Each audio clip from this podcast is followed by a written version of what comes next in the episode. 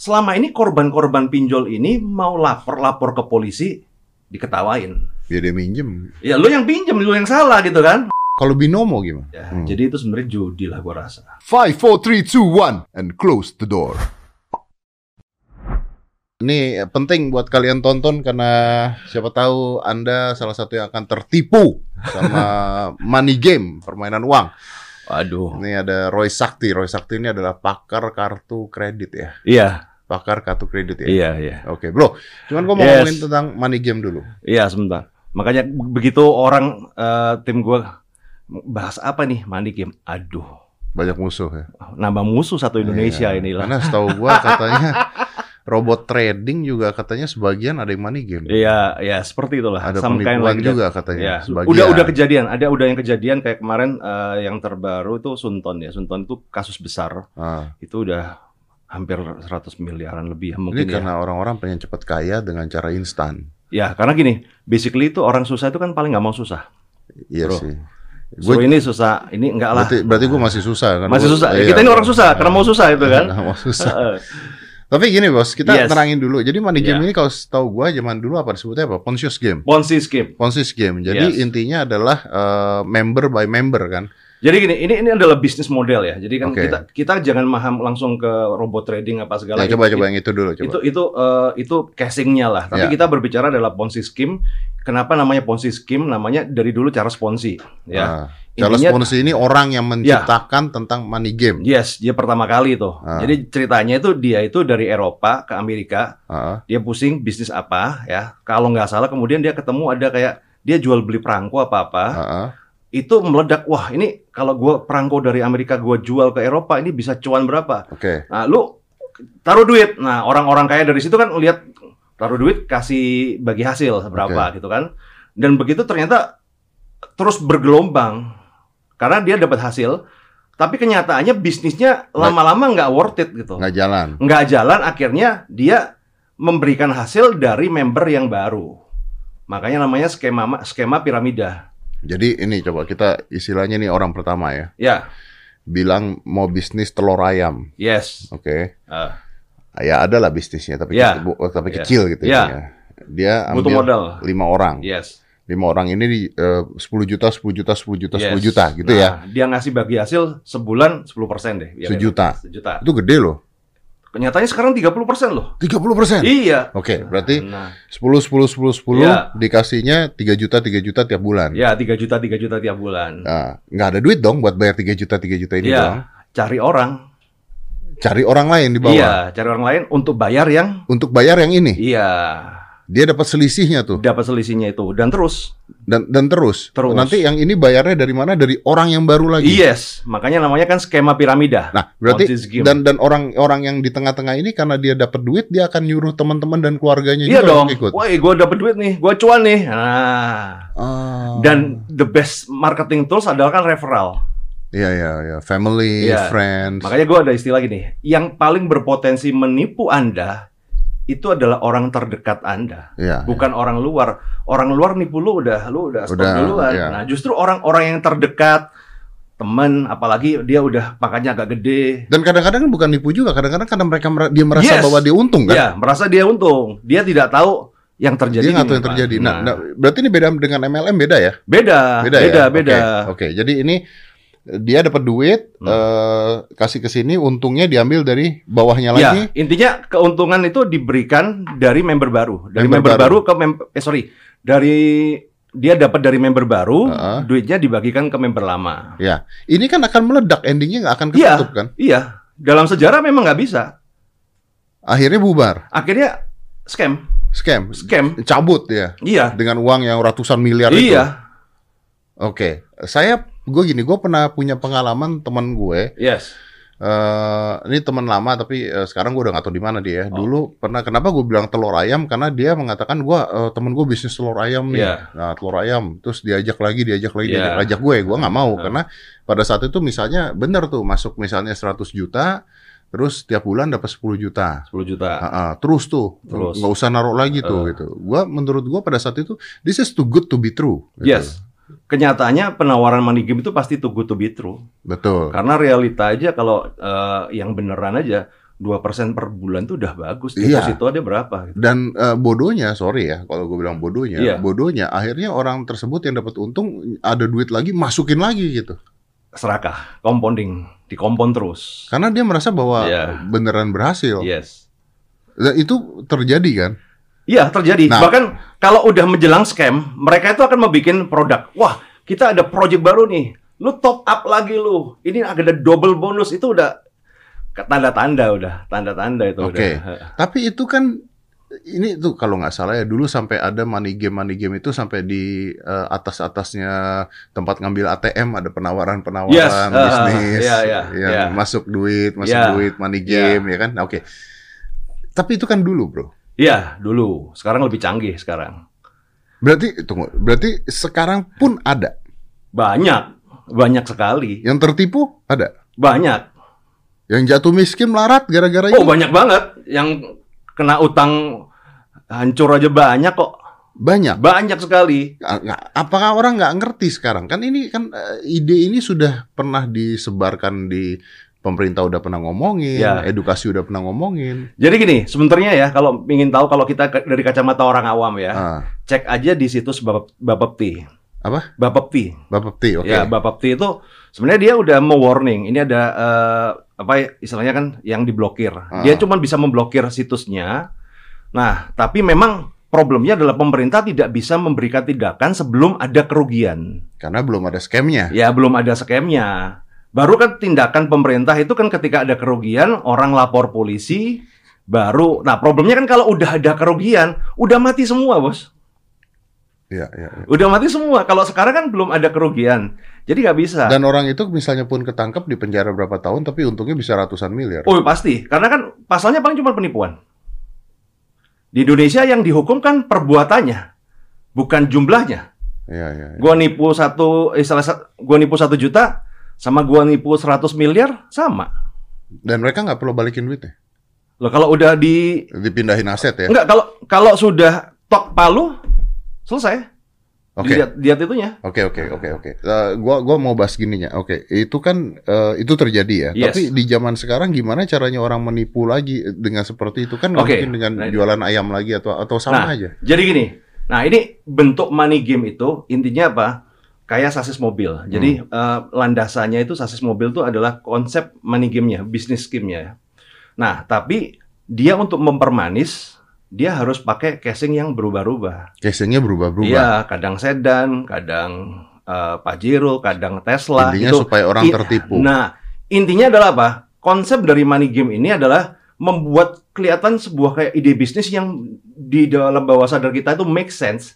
Oh, it create money dan ada peluang di situ dan dia mereka itu ingin berbagi. Oke, contoh, Konsepnya seperti contohnya itu. Gua kalau kasih contoh ya. sekarang. Oke. Gua mundur 10 tahun dulu ya. Oke. Jadi tahun 2012 ada namanya VGMC. Virgin Gold Mining Company. Hmm. Dia seperti kayak tambang emas yang di Panama apa di mana gitu kan. Kemudian dia buka emas, dia butuh investor. Wah. Dia mau buka tambang emas Iya, ya. tambang emas dia butuh investor. Oke. Wah.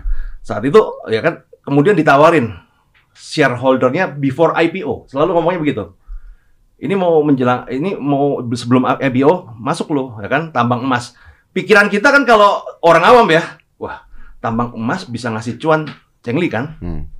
Nah, akhirnya kan ya bergulung-gulung udah begitu gede gede gede gede gede scam lah. Goodbye itu korbannya banyak itu. Tapi itu di awalnya dikasih keuntungan juga. Pasti udah keuntungan. Berarti tambang emasnya dianggapnya ini udah ada nih emasnya nih, udah kita ambil nih Iya, berapa gitu. iya. Seperti Tapi, itu. tapi apakah ada tambang emasnya? Nggak ada. Nonsen semua. Nggak ada, tam- tambang Nggak emasnya nggak nggak ada. Ini Cuma surat doang. penipuan total Iya. berarti. Berarti presentasi aja itu. Iya. Dan gobloknya percaya karena udah transfer Oke, oke. ya. Oke, Seperti terus itu. Nah, kemudian berkembang lagi ya. Berkembang lagi. Jadi kurang lebih kalau gua hitung ya setiap dua tahun tuh akan timbul tren baru. Jadi pertama itu itu, kemudian berkembang lagi ada koperasi, banyak yang koperasi. Hmm. Mungkin kompra Anda pernah, pernah dengar ya koperasi Pandawa, kemudian Pohon Mas dan lain-lainnya itu ya. Hmm. Nah, itu berubah lagi. Dia nyari apa itu kan? Eh, kalau nggak salah 2015 tuh yang dari Rusia datang. MMM, Mafrodi. Oh, itu lebih keren lagi tuh, Bro. Jadi orang Rusia ya, dia bilang bahwa ini adalah sistem ekonomi dunia yang korup. Gue pakai sistem ini aku untuk apa ya mengubah dunia. Wah itu itu keren lagi tuh bro. Dia belak-belakan ngomong. Belak-belakan ngomong kayak begitu bro. Dan percaya dia sentuh ideologisnya. Dan dari situ pelajaran bahwa oh ternyata para pemain money game itu menemukan menemukan apa ya eh, satu senjata bahwa kalau kita dia pegang ideologisnya Hmm. dia orang fanatik. Tunggu, tunggu, tunggu. Dia belak-belakan ngomong ini money game apa gimana? Dia ngomong bahwa ngomong money game, Oh iya? money game. Kalau di Indonesia namanya manusia membantu manusia. Oh. Jadi lu setor ya sama konsepnya sama. Lu akan dapat 30% tiap bulan. Duitnya dari? Ya memang money game. Dia dia ngomong, ngomong Dia ngomong? belak-belakan money game. Lah berarti orang tahu dong kalau ini bakal Tahu. bakal eh, apa namanya berantakan endingnya. Tapi disusupi ideologis bahwa gua akan meng- apa ya mengguncangkan ekonomi dunia. Kita bersatu. Eh, Kalau kalau kita yang eh, tukang itunya tuh bilangnya negatron kita ini.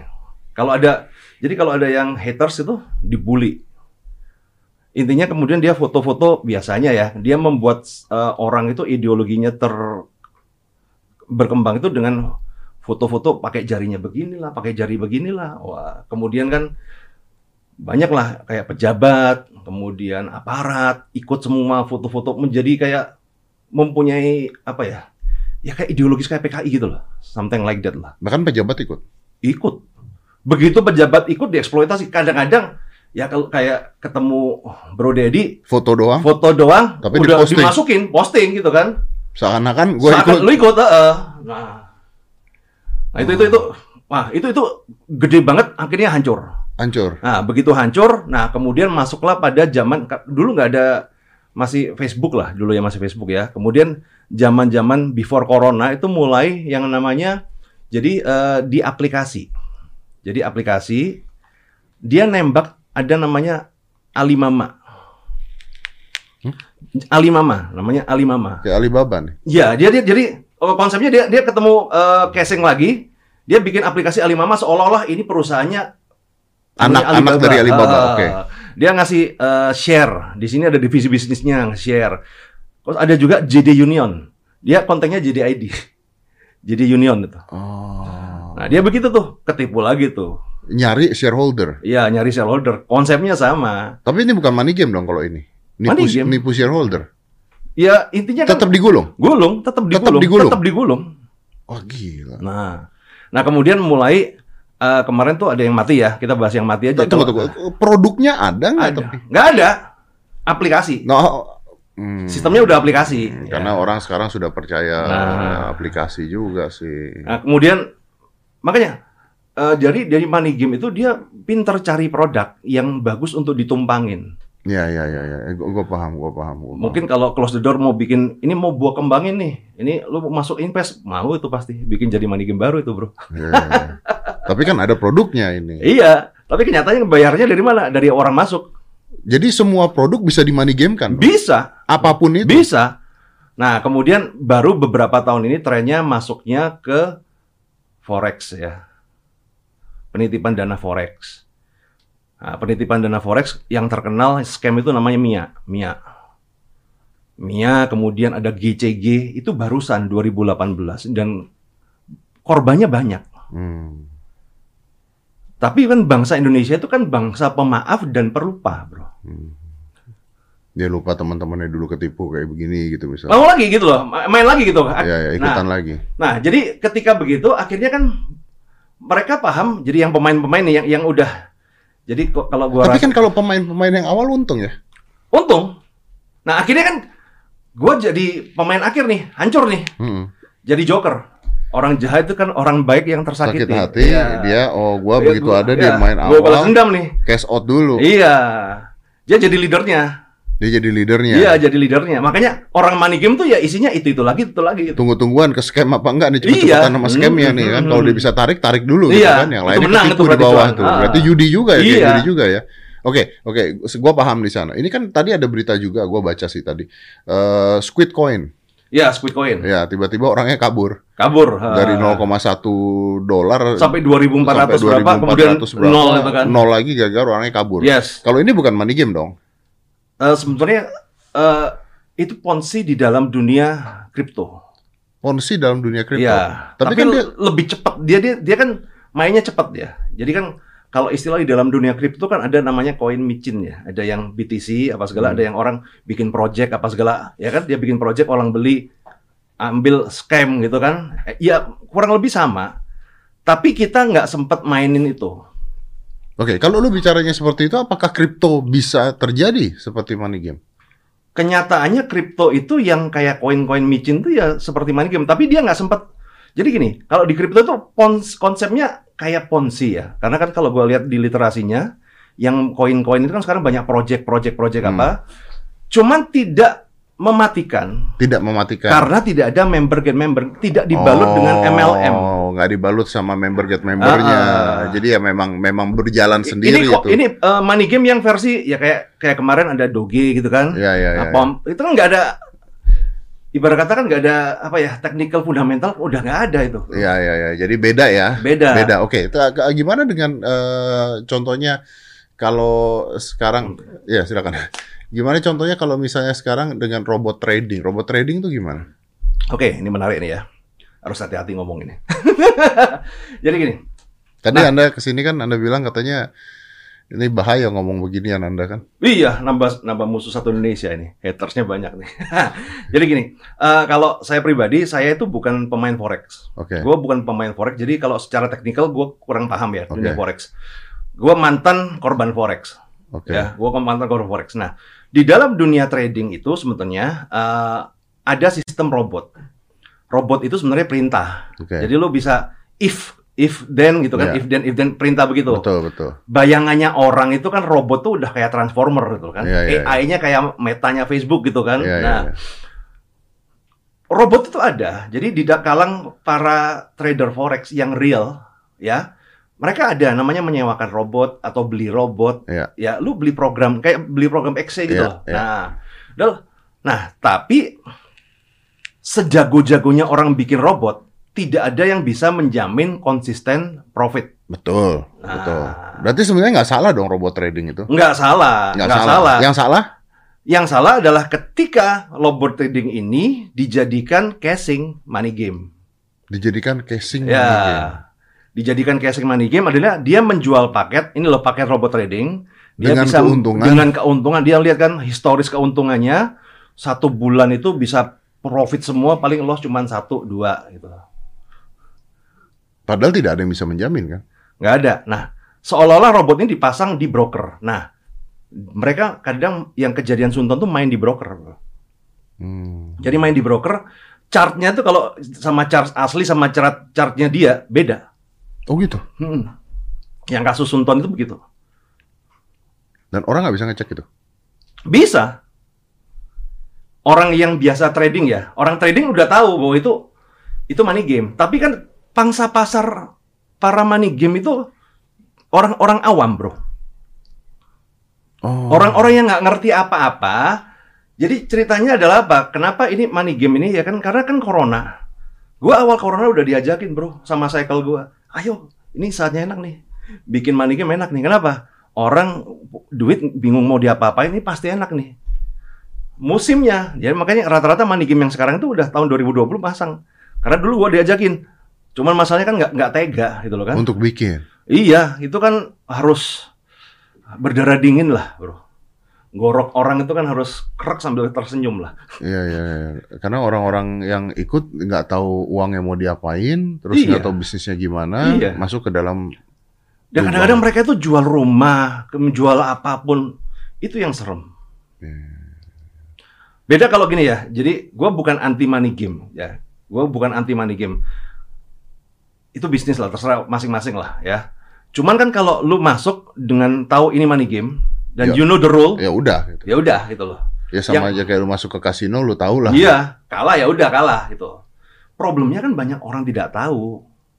Dan kemudian ketika dapat cuan, cuan, cuan terus kepercayaan lama-lama kan cinta itu buta. Apalagi kalau orang sudah sedang jatuh cinta. Kalau Hmm. orang money game tuh tai kucing rasa cuan. Iya, iya. Jadi ada juga seorang sampai jual rumahnya untuk ikut itu. Iya, banyak. Sampai utang-utang. Nah, Kenapa gue nge-fight? Gue itu kan sebenarnya pengajar kartu kredit. Gue ngajarin orang cari modal, bank apa segala. Mereka ke tempat gue tujuannya apa? Ya kan cari modal buat bisnis. Bisnis apa? Gue nyoba bisnis yang lain kok susah. Tapi ini enak pak. Kok bisa enak? Sebulan bisa cuan 10 sampai 30 persen. Waduh. Oh. Cemplungin lah duit utang di situ. Blok.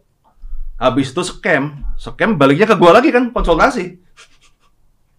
Jadi ngambil dari eh, kartu kredit untuk ikut. Itu tuh ikut money game. Banyak yang seperti itu.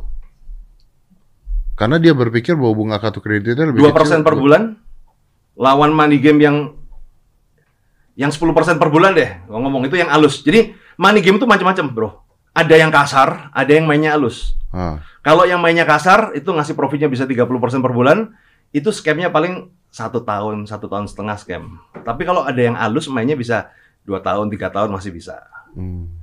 halusnya apa ya se- selama bagi hasil yang diberikan makin sedikit makin panjang Ya, ya, ya, ya. Nah. masuk akal, masuk akal, masuk akal.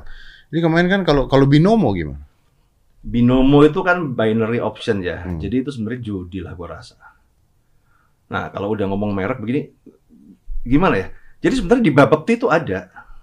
Jadi di Bapepti itu setiap berkala mereka ada list daftar investasi-investasi istilahnya calon scam lah yang beresiko tidak terdaftar. Hmm. Dan yang gua nggak tahu tuh binomo itu ada loh, itu banyak dengan variannya binomo itu selalu ada masuk di situ. Tapi yang herannya itu kok kok tetap ada gitu. Ya, ya, ya, ya, ya, ya. Kalau kata orang-orang yang trader-trader forex, binomo kan binary option ya setengahnya judi sih, Tapi bukan money game. bukan money game. Jadi Oke, kita harus paham bahwa di dalam dunia trading itu ada dua jenis kekalahan, oke. scam and loss. Kalau di money game scam, kalau lo nyemplung binomo kalah loss. Loss. Ya, tapi udah tahu semua bisa loss. Iya, udah bisa loss semua. Udah pasti bisa kalah. Pasti. Namanya orang main Ya. saham, main apa pun ya Ya. bisa menang, bisa kalah. Nah, cuman kan tiba-tiba yang yang berbalut money game itu kan tiba-tiba datang dengan ini loh, gua nggak mungkin Nggak mungkin kalah. Ah, gitu. Gua bisa ngasih profit loh. Ini robot gua, robot dewa nih kan. Ya, ya, ya, ya, ya. Kalau misalnya main saham ya kita eh, sebenarnya mereka kan sebenarnya bukan ngomongnya bukan menang kalah ya, tapi Yes. saham naik apa saham turun gitu Ya, intinya ya. ya. Kalau naik ya berarti dia dapat keuntungan, Ya. kalau turun ya berarti dia loss Ya. eh, jadi kerugian lah intinya. Yes. Jadi kalau money game dibalutnya adalah bahwa tidak mungkin turun, tidak mungkin kalah, tidak mungkin nggak cuan gitu. Iya, pasti begitu. Ya, karena sekarang kita lagi banyak nih yang kita lagi lagi sounding banyak ya. Apalagi kena kasus yang kemarin Sunton. Sunton, kemudian besoknya ada namanya Mark AI. AI itu orang akhirnya ini nih korban pertama nih. Selama nggak ada korban, ya dia kan berkembang terus nih, Bang. Hmm. Begitu ini ada jebret biasanya sih rentetannya mulai. Oke, oke, oke. Ya, gi- Gimana? Misalnya gua awam ya, gua nggak tahu apa-apa Yes. gitu ya. Eh, gimana gua tahu bahwa ini gua ditawarin sama lu deh gitu ya. Yes. Gimana gua tahu bahwa ini adalah money game apa enggak gimana? Oke, pertanyaan bagus nih. Jadi gini, Bro. Investasi yang bagus adalah investasi bukan yang ditawarkan, tapi yang kita cari. Kan paling gampang kan tinggal baca gitu loh. Tinggal search di Google, kemudian tinggal baca aja. Masalahnya kan orang Indonesia tuh lebih baik mati daripada baca. That's the point. Dia nggak pernah browsing. Browsing aja ada gitu loh. Artinya kan kalau ada sounding-sounding money gift, contoh begini aja bro, simpel aja bro ya kan. Gua kan ngurusin utang ya Eh, orang kredit mobil, motor, properti ya kan. Heeh. Gua tanya, lu baca nggak sih akad kredit? Kagak. Taunya cuma cair-cair doang. Tarik sini pak. Iya, cair, cair. Kagak dibaca. Oke, oke. Sebenarnya kalau dia sedikit mau membaca, kemudian apa ya, eh, membuka kata hati, lihat browsing aja kan, indikasinya kan kelihatan. Atau dengan logika gitu? Logika udah kelihatan. Paling gampang gini, start awal, cek Bapepti. Dah itu aja. Di Bapepti itu secara berkala dia ngeluarin data. Hmm. Data ini ini yang sudah diblokir. Hmm. Nah, itu kan nama-namanya udah kelihatan Udah tuh, kelihatan, awam betul, ya kan. Betul, betul. Nah, problemnya adalah di Bapepti itu yang gua kurang paham ya. Ada broker-broker luar negeri yang bagus tapi masuk di Bapepti. Itu yang membuat Bapepti itu jadi terkesan kayak Membingungkan. membingungkan. Oh. Kayak binomo yang paling gampang ya. Kayak binomo, itu kan Bapepti ada tuh blokir udah banyak itu setiap edisi pasti ada. Tapi ya masih sama trader, misalnya youtuber apa segala masih direkomendasikan gitu. Akhirnya kan jadi ini negara udah susah-susah bikin aturan kok dilanggar diinjek-injek. Tapi begitu scam, lu minta tolong negara gitu. Ah. Kalau pinjol tuh gimana? Kenapa? Pinjol. Kalau pinjol itu eh, utang ya kan? Beda Utang. lagi, beda lagi. Itu beda lagi ya. Beda lagi, Bro. Oke. Kalau dipinjol itu kita jadi korban, banyak kan korban. Langsung korban. Lah kalau pinjol kan kenapa pinjol sekarang diberantas? Karena kan korban, banyak korbannya kan banyak. Kenapa korban? Kan dia minjem. Dia minjem ya, kalau kita berbicara pinjol ya, orang minjem. Gua gua bahas pinjol ini nggak seberapa lama yang gua gua mikirnya dulu sama kayak lu, Bro. Lu kan pinjem nggak bisa bayar lah, ya saya salah lu lah minjem ya. Iya dong. Nah, tapi ketika banyak hasil masuk, jadi begini bro, di pinjol ini regulatornya nggak fair. Coba definisi. Ya, nggak fairnya begini bro. Gua ngomong nggak usah yang ilegal, ilegal mah parah, yang legal aja bro. Pinjol tuh rata-rata customernya adalah menengah ke bawah, which is UMR. Hmm. Ya, dia lihat iklan di YouTube aja lihat iklan kan pinjol. Oh 10 juta bayarnya jadi 10 juta 600. Hmm. Nah, dia nginput data. Dia nginput data, jebret. Mau pinjem ya. Ternyata yang terjadi apa? Duitnya ditransfer dulu, baru dikasih totalan. Gimana nggak ngerti? Duitnya tuh ditransfer dulu ke rekening lu, baru dikasih totalan. Bukan approve dulu, baru ditransfer. Kalau kita akad kredit bank, kan kita tanda tangan dulu, approve dulu. Totalannya kayak gini, baru ditransfer. Kan udah jelas tadi 10 juta jadi 10 juta 600. Kenyataannya nggak begitu. 10 juta jadi 13 juta. Ada biaya admin, ternyata itu per 15 hari. Banyak kayak begitu, bro. Itu pinjol. Oh iya. Iya. Terus ada juga begini, ya. Masukin, masukin aplikasi. Mereka kan iseng-iseng nih, masukin duit nih, masukin duit tel tel tel gitu kan. Begitu masukin duit, ya. eh klik kayak loading, Hmm, hmm. dikira nggak masuk. Dimasukin lagi. Jadi masuk, dua masukin. kali. Empat kali. Anjing. Anjing serius. Iya, empat kali jebret. Habis itu kan telepon panik kita, telepon CS. Ya udah Pak, kalau anu dikembalikan aja. Uangnya dikembalikan, angsurannya tetap jalan. Eh, Itu nipu dong. Iya memang. Makanya kan pemerintahnya Itu nih. iya. Itu nipu dengan sistem berarti. Mm-mm. Iya. Makanya kan akhirnya kan eh, Pak Jokowi jadi gua salut ya Pak Jokowi. Gua nggak nyangka loh Pak Jokowi ngomong bahwa berantas pinjol tuh gua nggak nyangka. Karena Apa- kepikirannya nggak terpikirkan gitu Nggak kan. terpikir. Karena gini, selama ini korban-korban pinjol ini mau lapor lapor ke polisi diketawain. Ya dia minjem. Ya lu yang pinjem, lu yang salah gitu kan. Nah lapor siapa nggak bisa. Gue juga males ng- ngurusin begituan bro. Wah bong, ngurusin kena masalah berapa? Satu juta. Aduh, mau sewa pengacara berapa pengacaranya bro? Iya, iya, Ya. iya. Tapi yang terjadi adalah apa? Dia jatuh tempo ya kan, diteror. Diteror. Teror. Dan yang parah nih, udah ada kelihatan ya. Cara nerornya yang yang gue ngomong sangat tidak manusiawi. Lu, gue kasih ya kan. Dia teror ya. Mukanya dia ya di cropping, bawahnya dikasih foto bokep, bro. Foto Miyabi gitu, badannya Miyabi. Kemudian diancam. Lu kalau nggak bayar video, vid- foto ini gue sebar loh ke tempat ke kontak lo. Parah nggak itu bro? Berarti itu orang harus nyari pinjaman dari keluarganya, dari temannya, dari apanya untuk membayar itu. Biasanya dia nyari pinjol lagi bro. Oh. Jadi kalau yang begini, kalau yang begini bro, jadi gua ngomong dia itu melakukan money game terhadap dirinya sendiri. Itu melakukan money game terhadap dirinya Yes, sendiri. yes, Jadi gali lubang tutup lubang Yes. dong endingnya dong. yes. Akhirnya kan kebelebet sampai sampai ada yang bunuh diri apa segala. Ya ini kan sama dengan kalau zaman dulu pinjaman kartu kredit nggak bisa bayar, ada kartu kredit lain lagi pinjam lagi Iya, tutup lagi iya, begitu kan iya. intinya kan. Jadi sebenarnya kadang gua pakar kartu kredit, lu kok gak nyambung sih bahasanya money game pinjol? Ini sama problemnya. Gali lubang tutup lubang.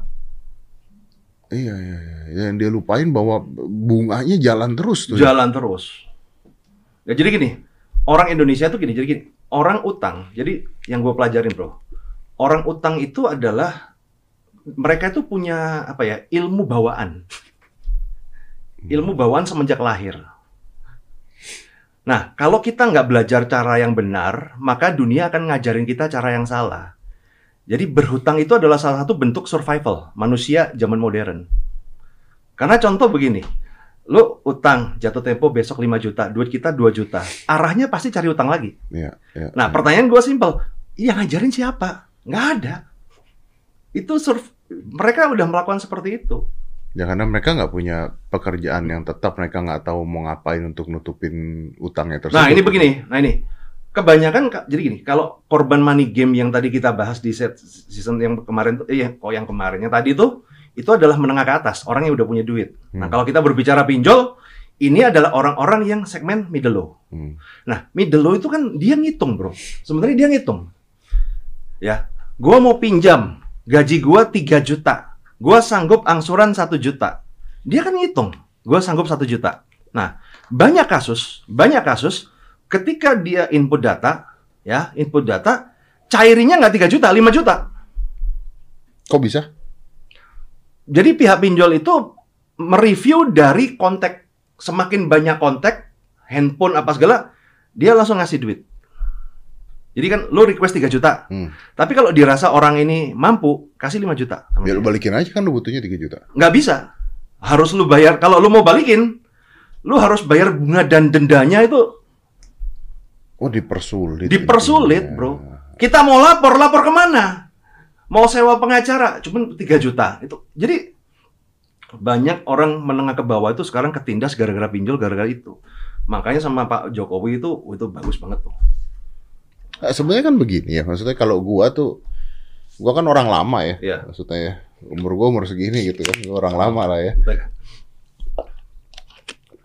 Jadi kan kalau orang tua gue, eh, bapak gue gitu ya, dulu kan kalau ngajarin gua adalah utang tuh nggak boleh, Yes. ya, utang nggak boleh, kredit barang nggak boleh. Hmm. Bapak gua ngajarin gue Iya. gitu ya, kredit barang nggak boleh. Lu kalau misalnya beli beli rumah kayak beli mobil kayak kalau lu kredit lu belum mampu beli artinya. Itu orang zaman dulu Iya. zaman tuh ya. dulu, ya. zaman dulu.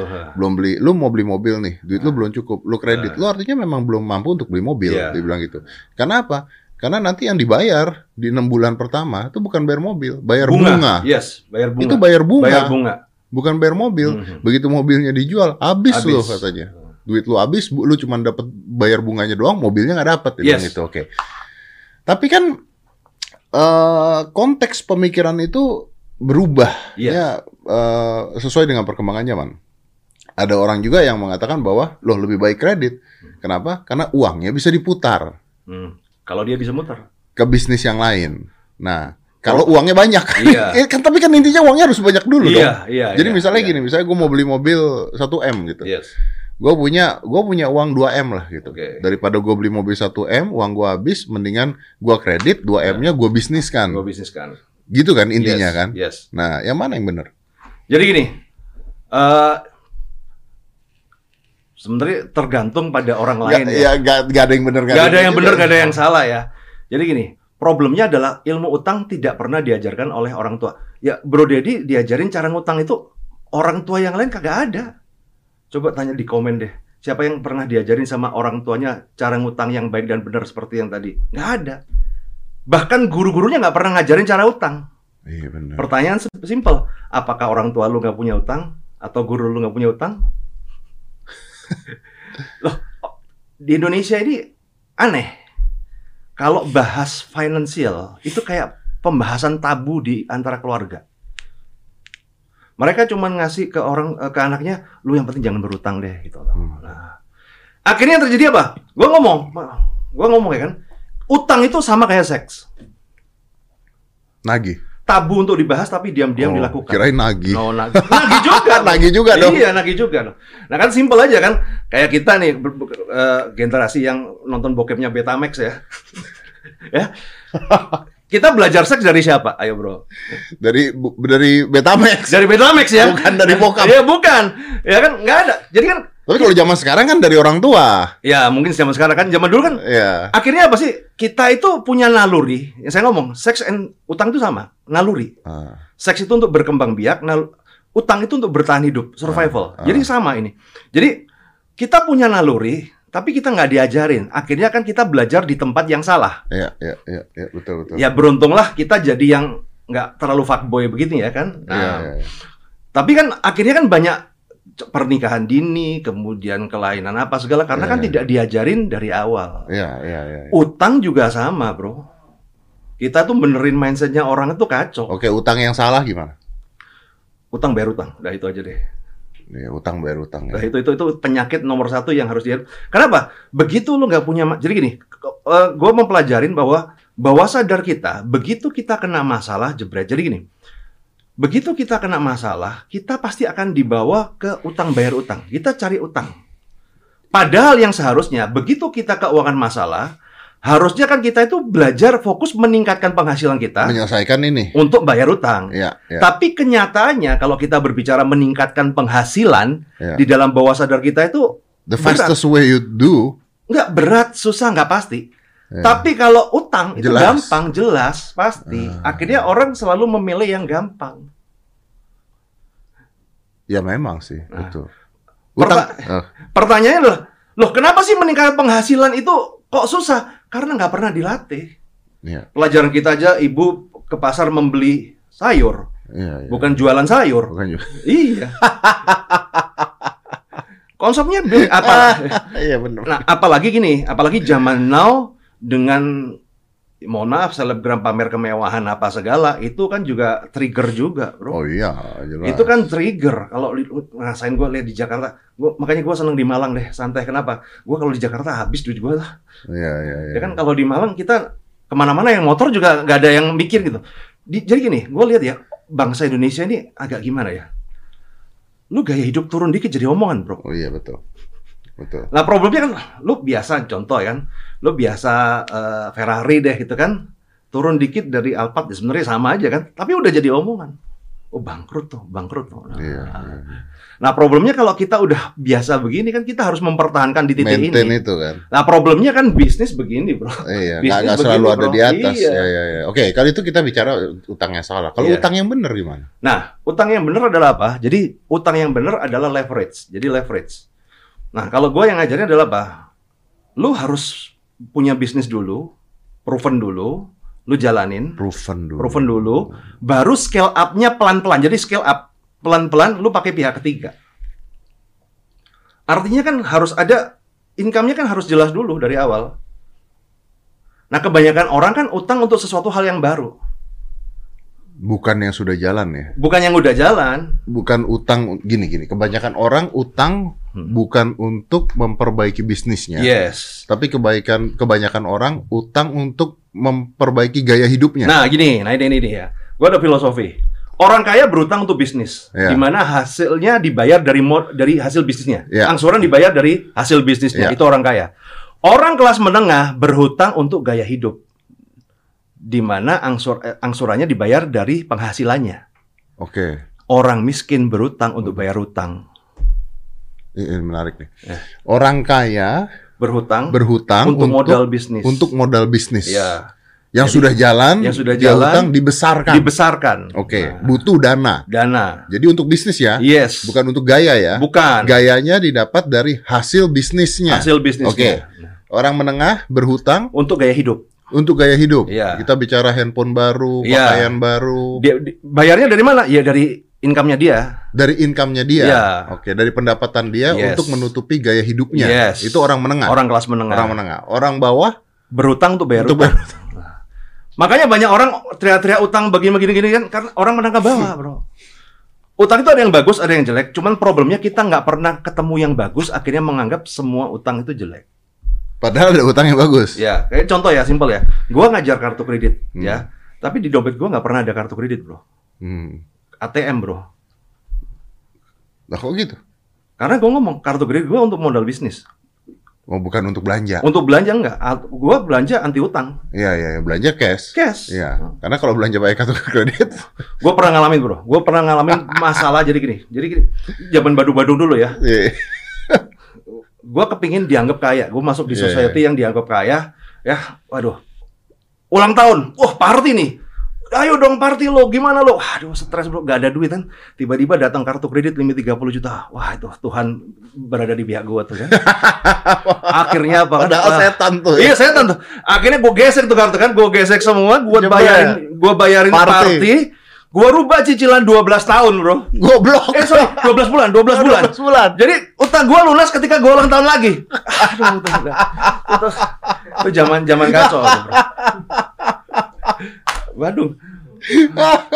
Iya, iya, iya, iya, iya, iya, bener, bener, bener. Untuk gaya hidup. Untuk gaya hidup. Eh, Jadi utang lu lunas pada saat lu ulang, Ulang tahun lagi gitu kan. Aduh, udah, udah jangan deh. Ya begitu saat lu ulang tahun yang berikutnya, goblok baru lunas. Tobat Iya. deh gitu. Iya masuk akal, masuk akal ya, ya. Jadi kalau jadi kalau orang ngomong kalau beli barang cash tuh salah atau benar? Bener, Benar. bener. Tergantung ya, tergantung kegunaannya untuk apa ya. Gue contoh begini. Eh, kalau untuk pribadi, ya better cash. Better cash. Iya. Tapi kalau sekarang kalau contoh kalau kartu kredit enak nih. Ini kan Tokopedia tuh enak tuh. Nah, Ada murid gua buka kos-kosan, ah, ya kan? Beli Tokopedia pakai kartu kredit, nggak kena cas, Bro. iya, iya, iya, iya. Sekarang nggak kena cas, kartu kredit nggak kena cas. Jadi beda ya. beda bedanya, ya. gitu loh. Bahkan ngerubah cicilan, lu beli mesin, gua punya murid tuh kan dua mesin apa ya, digital printing, Ah, ah, 200 juta. ah.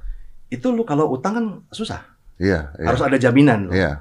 Ya, lu, lu punya kartu kredit kan sekarang lewat Tokopedia. Nah, dirubah cicilan, dia ada cicilan 0% apa segala. Udah jadi lu, jadi bisnis. jadi bisnis. Ah, bagus. Bagus gitu loh. Itu orang yang berpikir kaya. Yes. Nah, cuman kan gini, problemnya adalah kebanyakan orang utang itu dia tidak bisa membedakan. Jadi gini, bisnis itu kan nggak pasti. Ya, Ya, makanya gue ngomong, rejeki itu misteri. iya betul. Tapi angsuran itu pasti. Makanya lu harus punya strategi, bro. Ya, lu harus punya strategi. Nah, strateginya adalah apa? Ya, lu di dalam utang sendiri lu harus tahu yang ada namanya standby loan, dana cadangan. Itu itu itu itu taktikal ya, dana cadangan. Makanya gue ngomong, utangnya orang kaya rata-rata adalah kredit modal kerja di mana dana cadangan. Hmm. Kan dia dapatnya plafon nih. Hmm. hmm. Dia dapat plafon 2 miliar. Hmm. Kalau nggak dipakai, dia nggak nggak kena angsuran apa-apa. Ya, ya, ya, ya, ya. betul. Kalau dia pakai baru dia kena, Baru angsuran. kena angsuran. Nah, utangnya orang miskin tuh angsuran. Ya, Nah, kesalahan orang adalah apa? Orang berutang butuh buka bisnis tapi pakai angsuran, Bro. Ah, Itu hancur. Kenapa hancur? Contoh ya. Dia dapat kur pemerintah. Murah memang, 200 juta. Ya, buka bisnis nih, 200 juta buka bisnis. Kan bulan pertama kan nggak mungkin langsung 200 juta habis, Bro. ya, ya. Paling cuman kepake 10 juta, 20 juta. Iya betul. Tapi, Tapi, angsurannya 200 juta. 200 juta. Yes. Akhirnya yang terjadi adalah apa? Yang terjadi Pendapatannya nggak Iya. nutup dong. bukan pendapatnya untuk akhirnya dia tuh apa ya kalau bahasa Jawa saraf emannya tuh keluar tuh wah gua rugi dong gua bayar angsur duit cuman gua pakai begini tapi angsuran jalan terus nah ketika udah emannya keluar ya kan otak serakannya keluar akhirnya bisnis nggak bagus pun akan kelihatan bagus barang nggak pengen akan jadi pengen barang nggak penting akan jadi penting lihat money game sikat endingnya kan di situ Endingnya di sana. Iya. Dikejar angsuran. Akhirnya kan, wah ini ada peluang apa nih? Ada cuan, ajar. Intinya gini ya, kalau lu ngomong seperti itu, intinya tadi balik lagi ke yang lu omongin bahwa apalagi dengan sosial media yang saat ini ada, orang-orang bisa pamer-pamer kekayaan. Nah, orang-orang yang melihat kadang-kadang tidak sadar dirinya gitu Yes. dan ingin jalan cepat. Nah, problemnya adalah apa? Di Indonesia itu tidak ada, eh, jarang orang-orang seperti kayak Bro Daddy. Lu kan di YouTube ini kan kontennya edukasi, ngarahin orang bener, trending tuh. Yang ada kan, yang lainnya kan ya konten hiburan lah. Iya, Ya. ya, ya, ya. Nah, ya, Bila ya. kata kan lu, lu single fighter di sini nih ya. Iya, kesian ya. Lah single fighter makanya. gua gua terhormat lah bahwa di sini lah. Nah, jadi kadang-kadang gini, eh, kadang-kadang kita lihat sosok ya kan. Gua kalau sama lu, Bro, gua percaya, Bro. Gua dari lu awal nonton sampai sekarang tuh gua hafal. Lu mau sama siapa aja hafal tuh, Bro. Gua karena gua aja Covid gua belajar dari lu tuh, Bro. Ya tapi memang benar. Yes. Maksud gua gini, lu belum tentu diundang sama mereka. Iya, gitu. Karena iya. menurut mereka ya nggak entertain, ngapain? entertain, ha. Mendingan Jadi kan kesempatan lu eh, kayak Pak Prabowo, kemudian Pak Luhut di sini kan ngobrol. Selama ini kan kita tahunya ya kan kayak sama Pak Luhut kan kesannya kan di luar sana kan seolah-olah Wah, gimana. jauh gitu kan. Ternyata orangnya keren ya gitu loh. Kan Iya, kita iya. nggak tahu bro. Ya, ya, ya. Problemnya adalah nggak ada pattern itu. Makanya kalau gua merasa eh, channel ini menjadi salah satu guidance gua yang bisa dipercaya. Hmm, thank you, thank you, thank you, thank you. Problemnya kan di luar sana kurang orang yang yang Uh, because actually it's easy, easier to sell. yes. It's Karena easier kan- to sell. Ya gini lah pesan sponsor kan semua kan cari cuan lah, Iya, sama aja iya, lah, iya, semua iya. semua cari cuan lah ya. Nah kayak kayak kayak gue kan kalau kayak gue sebenarnya kan gue udah agak santai ya, gue tuh kayak semi semi retire lah, santai lah. Gue ketika covid memang bisnis gue turun, tapi gue menemukan kebahagiaan, gue udah income gue udah cukup lah Hmm. ya. Dan kemudian gini, gue cuman fokus gimana caranya gue bisa bantu orang. Hmm, hmm. Makanya kan kayak pinjol-pinjol ya gue bantuin, ya kan. Nah, istilahnya kan gue kasih eh, ini loh Cara. ber- berbekal pengalaman gue, ini loh caranya kayak This gini udah itu tuh lah. Gue nggak peduli lu lu ikut kelas apa nggak nggak usah, lah. yang penting lu bantu bisa oke lah. Karena kenyataannya dengan cara begitu, gue feel happy, Ya, ya. anak gue bangga sama gue, udah toh. Hmm, hmm, hmm. Ya, jadi harus ada konten-konten edukasi yang sebenarnya Problemnya konten edukasi tidak ramah algoritma. nah, kemudian satu lagi, ada juga konten edukasi, cuman begini, kebanyakan, ya gue nggak tahu ya, gue nggak nuduh siapa, tapi kan kadang-kadang kita perlu orang yang you rely on them. Ya, Jadi ya, kalau ya. kalau gue nurutin lu, gue yakin bahwa ketika kendasi kendali eh, terjadi masalah, lu nggak step gue dari belakang. Ya, betul. Kita perlu sebenarnya kalau mau sukses kuncinya itu aja lah. Punya satu dua orang mentor yang bisa lu percaya, You believe you trust ya. trust dan ketika lu benar-benar kepepet, dia nggak nusuk lu Nggak dari lu belakang. belakang. Udah, itu aja udah selesai udah. Iya, memang betul. Ya, ya. Thank you loh. Ini eh, ngebuka mata banyak penonton juga gitu ya. Yes. Jadi kan penonton juga tahu tentang bahayanya, tentang seni berhutang. Seni berhutang Seni tuh berhutang. seni ya, seni berhutang gitu ya. Dan eh, sebenarnya gini, sebenarnya kalau lu memang eh, ini buat YouTuber lain atau buat konten kreator lain kalau ya gua gua ada sponsor juga, gua ada Yes. Tokopedia, ada Bibit, ada Le Mineral, ada Si Cepat gitu ya yang ngebantu gua juga walaupun konten gua kadang-kadang pinggir jurang gitu kan. Tapi d- kalau kita mau mah bisa gitu sebenarnya. Cuman Iya. memang algoritma penonton kita saat ini ya Hmm. senang dengan ya begitu-begitu. Ya tapi kan lu itu kan eh, cakep loh. Itu garis besarnya edukasi, ininya hiburan-hiburan kan. Jadi Ya. nggak bosen gitu loh. Ya Tetap entertaining. dikit lah. Tapi kan tidak apa ya, tidak tidak berlawanan dengan kata hati. Ya, That's the ya point. betul. Kadang-kadang orang kan demi demi ya demi duit kemudian ngomong sesuatu yang di luar kata hati. Ya, ya. Gue banyak sponsor masuk kan, pinjol. Ah, ah. Ma- ma- mas- aduh enggak lah, gue enggak kayak gitu-gitu kagak lah gue mah. Padahal duit tuh ya. Ya duit itu loh. Iya benar. Tapi kan ya apa gunanya kita cari duit men, apa ya mensupport sesuatu yang nanti akan merugikan murid-murid gua. Iya. Yang which is murid-murid gua itu sekarang jadi become my friends dulu. Iya, iya, iya. iya. Bahkan kayak di Manikim ya, banyak dari teman gua adalah musuh gua dulu. Ah. Ya karena dulu lu Megatron ya. Ya Negatron ya kan, dulu Negatron. Kalau sekarang itu eh, istilahnya apa ya? Bo- botol, botol. Botol. Bot- bodoh dan tolol. Bodoh dan Iya, oh iya. dikatain gitu, wah gak apa-apa lah, santai aja lah. Ya, ya intinya kita harus hati-hati lah, harus belajar dulu, banyak baca, Eh, masukin pengetahuan sebanyak-banyaknya, hati-hati karena tidak ada sesuatu yang datangnya serba instan tuh Yes, tidak ada yes. gitu ya. Dan kalau Anda mau berhutang, hutang untuk apa? Hutang untuk memajukan bisnis Anda, hutang untuk memajukan usaha Anda atau hutang untuk gaya hidup gaya Anda hidup Anda. atau hutang untuk bayar hutang. Nah, itu, Nah, itu, itu perbedaannya seperti itu ya. Hmm. Jadi yang paling bagus ya kalau Anda hutang ya memang duitnya ya itu kayak tadi beli printer 3D atau Ya. apa untuk bisnis lagi. Dan begini, gue satu pesan ya, yang berbahaya itu kan ketika utang bayar utang. Hmm. Jadi ini pesan buat masyarakat juga ya. Hmm. Jadi kadang-kadang gini, kenapa sih orang utang bayar utang? Hmm. Karena dia takut nama baiknya rusak. Hmm. Basicnya di situ. Hmm. Tapi kenyataannya adalah apa? Akhirnya dia utangnya tambah gede gitu loh. Hmm. Makanya saya ngomong kayak kayak yang korban pinjol loh.